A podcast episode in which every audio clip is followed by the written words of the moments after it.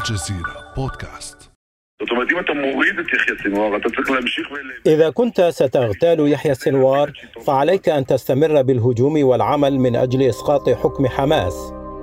هذه دعوة صريحة ومباشرة أطلقها تفي حزقيلي محلل الشؤون العربية في القناة الثالثة عشرة الإسرائيلية وهي واحدة من بين دعوات عدة أطلقها في الفترة الأخيرة. مسؤولون وصحفيون إسرائيليون لاغتيال رئيس حماس في غزة يحيى السنوار.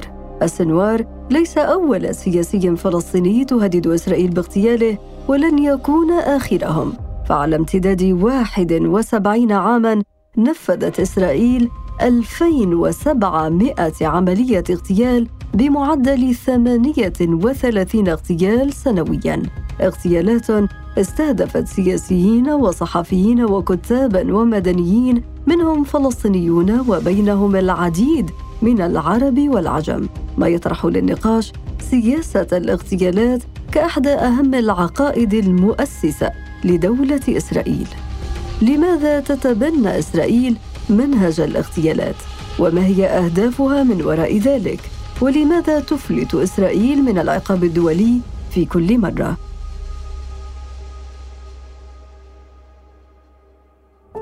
بعد أمس من الجزيرة بودكاست أنا أمل العريسي.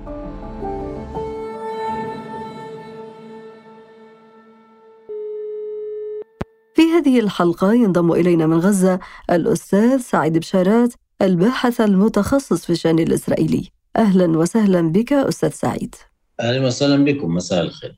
بين إطلاق النار أو تفجير المركبات أو دس السم تعددت الطرق والهدف واحد تصفية كل من يشكل مصدر إزعاج وقلق لإسرائيل. لنستمع إلى هذا المقطع من وثائقي للجزيرة تحت عنوان إرهاب خارج الحدود يثبت أن لإسرائيل تاريخا طويلا في جرائم الاغتيالات الفردية. كانت محاولة اغتيال المندوب السامي في فلسطين السير هارولد ماك مايكل وبعدها محاولة اغتيال الوزير البريطاني المقيم في الشرق الأوسط اللورد موي في القاهرة هما أبرز عمليتين لعام 1944 في ملف الإرهاب اليهودي الموجه إلى بريطانيا أستاذ سعيد لماذا تجعل إسرائيل الاغتيالات والتصفية الجسدية منهجا متبعا وسياسة قائمة؟ الاغتيال الذي تقوم فيه دولة الاحتلال إسرائيل يهدف إلى ثلاث أهداف. أولا المنع أي عمل مقاوم أو ما يسموه القنبل الموقوتي اللي هو في شخص يعد نفسه يجهز نفسه لتنفيذ عمل مقاوم فتقوم دولة الاحتلال بإحباط العمل قبل التنفيذ. اثنين هناك الردع. ردع الحركة أو المنظمة التي تريد أن تنفذ عمل مقاوم عن القيام بهذا العمل. وكذلك منع من يريد أن يقلد هذا العمل من القيام بنفس العمل المقاوم ضد الاحتلال. هناك أيضا الضرر إلحاق الضرر بالبنية التحتية للمنظمة أو للحركة التي تقاوم الاحتلال بحيث تصعب على هذا التنظيم القيام بعمل مقاوم في المستقبل. كما حدث في 2002 عندما نفذت سلسلة كبيرة من العمليات الاغتيال الكبيرة التي أحبطت العمل المقاوم ولحد الآن لم تستطع الفصائل في العمل المقاوم الفلسطيني إعادة ترتيب عمل مقاوم منظم بسبب الإضرار بالبنية التحتية لهذه المنظمات والفصائل الفلسطينية. فالمنع والردع والإضرار هو الأهداف المركزية لعمليات الاغتيال التي تقوم بها دولة الاحتلال طيب أستاذ سعيد هل لهذه السياسة سياسة الاغتيالات أسس دينية وعقدية برأيك؟ أنا كسعيد بشارات وكباحث مطلع على تاريخ الاحتلال سواء الديني أو السياسي أرجع عملية الاغتيال الأولى إلى قصة سيدنا يوسف عندما خطط إخوة سيدنا يوسف إلى اغتيال أخوهم لأسباب ذكرها القرآن فهذا أنا أعتبرها أو أرجعها أو أنسبها أو أقول أنها هي أول عملية اغتيال ينفذها الاحتلال دائما يشعروا إنهم مستهدفين. دائما يشعروا انه اقتصادهم مستهدف إنهم مستهدفين امنيا. وبالتالي هم عاشوا في جيتوهات. وحاولوا اغتيال أي شخص بحاول يضرهم. حتى الاغتيالات من الناحيه الدينيه بينهم نفسهم. ولحد اليوم في اغتيالات بينهم بداخلهم. وكثير ما بتصير. حتى الشرطة مرات بتشارك في هذه الاغتيالات اللي ما حد بيسمع فيها أو تذكر كأنها عمل جنائي في داخل إسرائيل. حتى هناك إذا شعروا أنه في شخصية كبيرة مش قادرين عليها بحطوها مثلا في سجن. هذا السجن بيكون شباكه مفتوح على مثلا برج على مكان مفتوح يستطيع اللي يريد أن يغتال أحد برصده وبالتالي بيغتالوا بطريقة غير مباشرة في السجن. هذا أحداث صارت بحكي لك. فهذه هي المرجعية اللي بنقدر نقول إنها دينية للاغتيال هي مرتبطة بثقافتهم إنهم بيشعروا إنهم طبقة عالية على كل الناس وبالتالي هم مستهدفين وبالتالي يلجأوا إلى إحباط أي عمل يضر بهم بالاغتيال باستئجار ناس للقتل بكل هذه الوسائل اللي التاريخية اللي بنقدر نسميها محاولات أو أساليب اغتيال وتصفية لكل من يضر اليهود.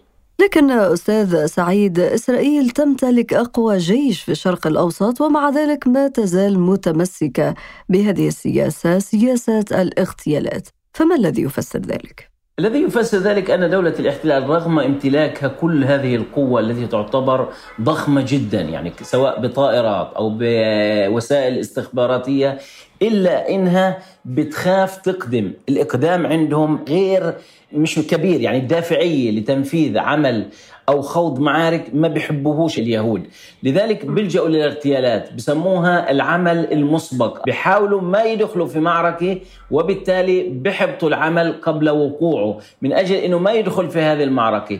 فهو بيقوم بإحباط هذه العمليات. مثلا لو أخذنا إحباط مثلا أو اغتيال البطش في ماليزيا هو يريد أن يحبط أي عمل يمكن أن يتطور بحيث يؤدي إلى تطوير وسائل قتالية مثلا لدى المقاومة وبالتالي الهجوم عليه، ما بده الهجوم، الهجوم عليه بشكل له مشكلة كبيرة لأنه مسألة الحياة عنده مقدسة جدا. يعني بيعطيها هي الدرجة الأولى في كل تصرف وهم يحبوا الحياة وبالتالي بيبذلوا لها كامل الطاقة هو محصن حاله، مثلا ما يتعلق بقطاع غزة وخاصة تحديدا حرب الأخيرة اللي هو 2021 عندما أراد أن يغتال مثلا محمد الضيف أو الصنوار من أجل تحقيق إنجاز قام بضرب حي كامل من أجل إحباط هذا الشيء لأنه ما بده يستمر في المعركة لأنه خطة النفاه وقبلها خطة جدعون لأيزنكوت تمنعه تقيده من إنه يستمر في المعركة لأنه ما بده يدخل بري وما بده فبده يحبط العملية عشان يسكت الطرف الآخر وحقق له إنجاز بدون ما يخسر ولا جندي. وبالتالي هذه العقيدة والثقافة هي التي تدفعه إلى تنفيذ هذه العمليات. ما في عنده تضحية وما بده يخسر جندي. طيب إذا كان الاحتلال الإسرائيلي لا يريد أن يخسر جنديا واحدا في هذه العمليات فمن هي الجهات المرتبطة بإسرائيل التي تنفذ الاغتيالات؟ بدنا نضرب مثال اللقاء اللي أجرته القناة 12 مع رئيس الموساد السابق يوسي كوهين يوسي كوهين كشف الطريقة التي يقوم بها الموساد بتنفيذ الاغتيالات وعندما تم نشر الحلقة ضباط كبار رفعوا عليه دعوة ووجهوا له انتقاد إنه أنت كشفت الأساليب اللي بيشتغل فيها الموساد، الموساد يعمل مع عصابات عبر العالم، يستخدم مرتزقة في تنفيذ الاغتيالات، الموساد مش قوي كثير، يعني مش ضخم القوة أو حاجة أسطورية زي ما بصور حاله، لا يوسي كوين كشف الطريقة. إني أنا في إيران كيف بشتغل في إيران؟ بستخدم ناس عصابات ناس مستعدة إنها تشتغل معي مقابل مال وهاي العصابات هي بتنفذ لي كل العمل وهذا بسيط بالنسبة له. من يقوم بالاغتيال في العالم؟ هو عبارة عن ناس جندهم الموساد للعمل غير الطبقة اللي هي بتكون تقود هاي الأشخاص. في هناك طبقة مرتبطة بالموساد جزء من الهيكلية التنظيمية للمؤسسة أو للجهاز اللي بتحرك هاي العناصر الإجرامية في العالم العناصر المرتزقة اللي بتنفذ لها الخطط والعمليات والاغتيالات خاصة خارج أراضي العدو. إذا عصابات مرتزقة تقف إلى جانب إسرائيل لتنفيذ هذه السياسة سياسة الاغتيالات والإعدامات الميدانية. إضافة إلى ذلك هناك قوانين تسنها إسرائيل في الثالث من يوليو عام 2001 أقرت الحكومة الإسرائيلية مواصلة سياسة الاغتيالات والتصفيات ضد الناشطين الفلسطينيين. وفي أغسطس من العام نفسه أقرت أيضا أنه ليس هناك أحد من الفلسطينيين محصن من الاغتيال فما الذي تجنيه إسرائيل من وراء كل هذا أستاذ سعيد؟ طبعا هي لم تجني شيء على أرض الواقع لم تجني شيء بكل ما فعلته بكل ما قامت به لم تحقق الهدف النهائي. مثلا خلينا نضرب اغتالت ثابت ثابت اغتالت عبيات اغتالت أبو علي مصطفى اغتالت الشيخ أحمد ياسين وكل هذه اغتالت أبو عمار واغتالت كل هذه القيادات من الشعب الفلسطيني اللي بيقاوم الاحتلال.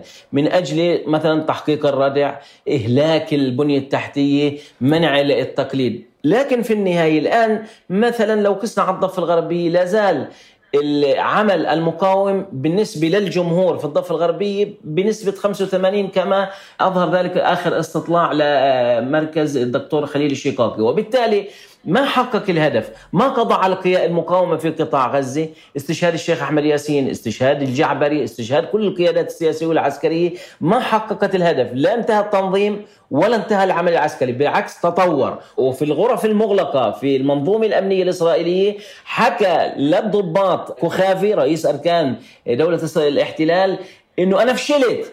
هو ليش حكى فشلت؟ لأنه أنا قاعد بقاتل في الهواء. أنا بعتقل 500 واحد في الضفة الغربية خلال أسبوع لكن ما حصلت على النتيجة. لذلك هناك نقاش كبير في دولة الاحتلال حول الاغتيالات وكانت آخر هذه النقاشات حول الصنوار وآخر شيء طلع الجنود الجيش إنه حكى إنه والله الصنوار ما له علاقة بهذه العمليات اللي بتصير في الضفة الغربية لا من قريب ولا من بعيد ولم يوجهها. أستاذ سعيد المتابع للسجل الدامي لإسرائيل يلاحظ أن الاغتيالات طالت أيضا عربا وعجما من المناصرين والمتعاطفين مع القضية الفلسطينية، هل يمكن أن تذكرنا بأبرزها؟ أبرز عمليات الاغتيال التي نفذها الاحتلال ضد شخصيات عربية مثلا الزواري اللي من تونس ليش اغتال هذا الشخص؟ لأنه هذا الشخص كان له ارتباط مع المقاومة الفلسطينية وقام بتطوير وسائل قتالية غير معهودة للاحتلال، انك تطور طائرة تجيب شيء جديد للمقاومة بشكل يصبح بمقدور المقاومة إنه تستغني عن الأنفاق تشكل طاقم من الطائرات المسيرة اللي تستطيع أن تخترق أجواء العدو وتنفيذ عمليات عنده بطريقة غير معهودة. فهذا استدعى منه إنه ينفذ عملية اغتيال وما زاد الطين بلة عنده إنه الزواري حاول يطور غواصة وطور تقريبا غواصة. هون حكوا إنه وقفنا هون ممنوع. فراحوا اغتالوه وبشكل سريع ونفذوا عملية الاغتيال بالطريقة اللي ذكرناها إنه استئجار ناس مستأجرين تنفيذ عملية الاغتيال كما حدث أيضا اتهموا البطش في ماليزيا إنه هذا الشخص برضو عنده قدرة على تطوير وسائل قتالية سموها الغرفة العلمية اللي اتهموا إنه قيادات في تركيا بيقودوها.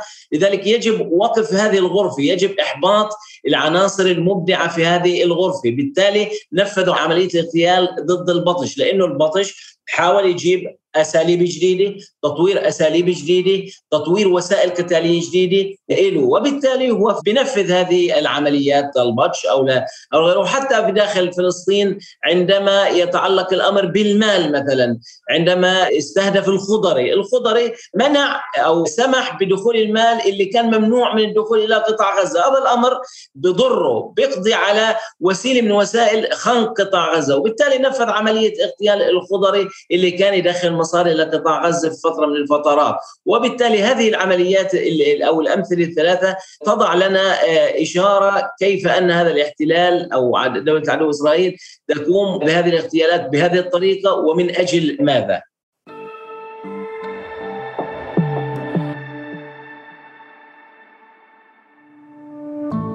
ابقى على تواصل مستمر مع الجزيرة بودكاست ولا تنسى تفعيل زر الاشتراك الموجود على تطبيقك لتصلك الحلقة يومياً.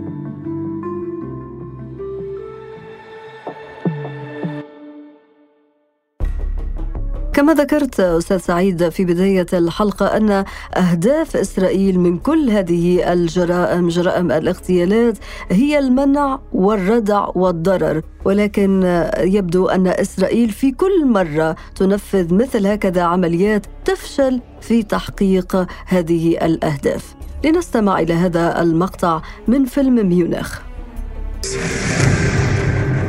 We have 11 Palestinian names.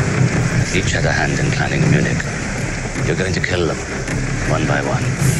We deposit money into a box that doesn't exist. 200,000 for one name. Am I alone? You'll have four others. They know useful things like documents, cars, cleanup. He gets in the bed, he weight arms the device. I give the signal by switching off the light.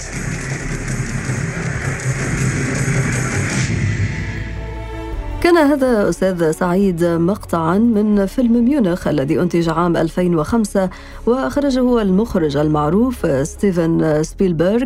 الفيلم قدم عملاء الموساد كأبطال تمكنوا من القضاء على عناصر منظمة أيلول الأسود الذين قتلوا 12 إسرائيليا في الألعاب الأولمبية في ميونخ عام 1972 لكن الواقع أن الفيلم زور الحقيقة فالصحفي الإسرائيلي رونين بريغمان كشف عام 2018 أن الأشخاص الذين قتلهم الموساد لم تكن لهم أدنى علاقة بعملية ميونخ وأن العملية التي صورت على أنها ناجحة لم تكن كذلك أستاذ سعيد ما هي أبرز عمليات إسرائيل الفاشلة التي سعت خلالها لتصفية رموز وشخصيات بارزة؟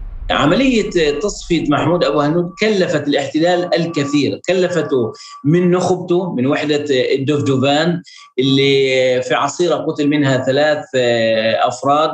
ضباط خلينا نسميهم. وبالتالي كانت عملية فاشلة ونجاة محمود أبو هنود أكثر من مرة كانت تسجل إنها إخفاق لهذا المحتل. اثنين في قطاع غزة محاولة اغتيال محمد الضيف أبو خالد.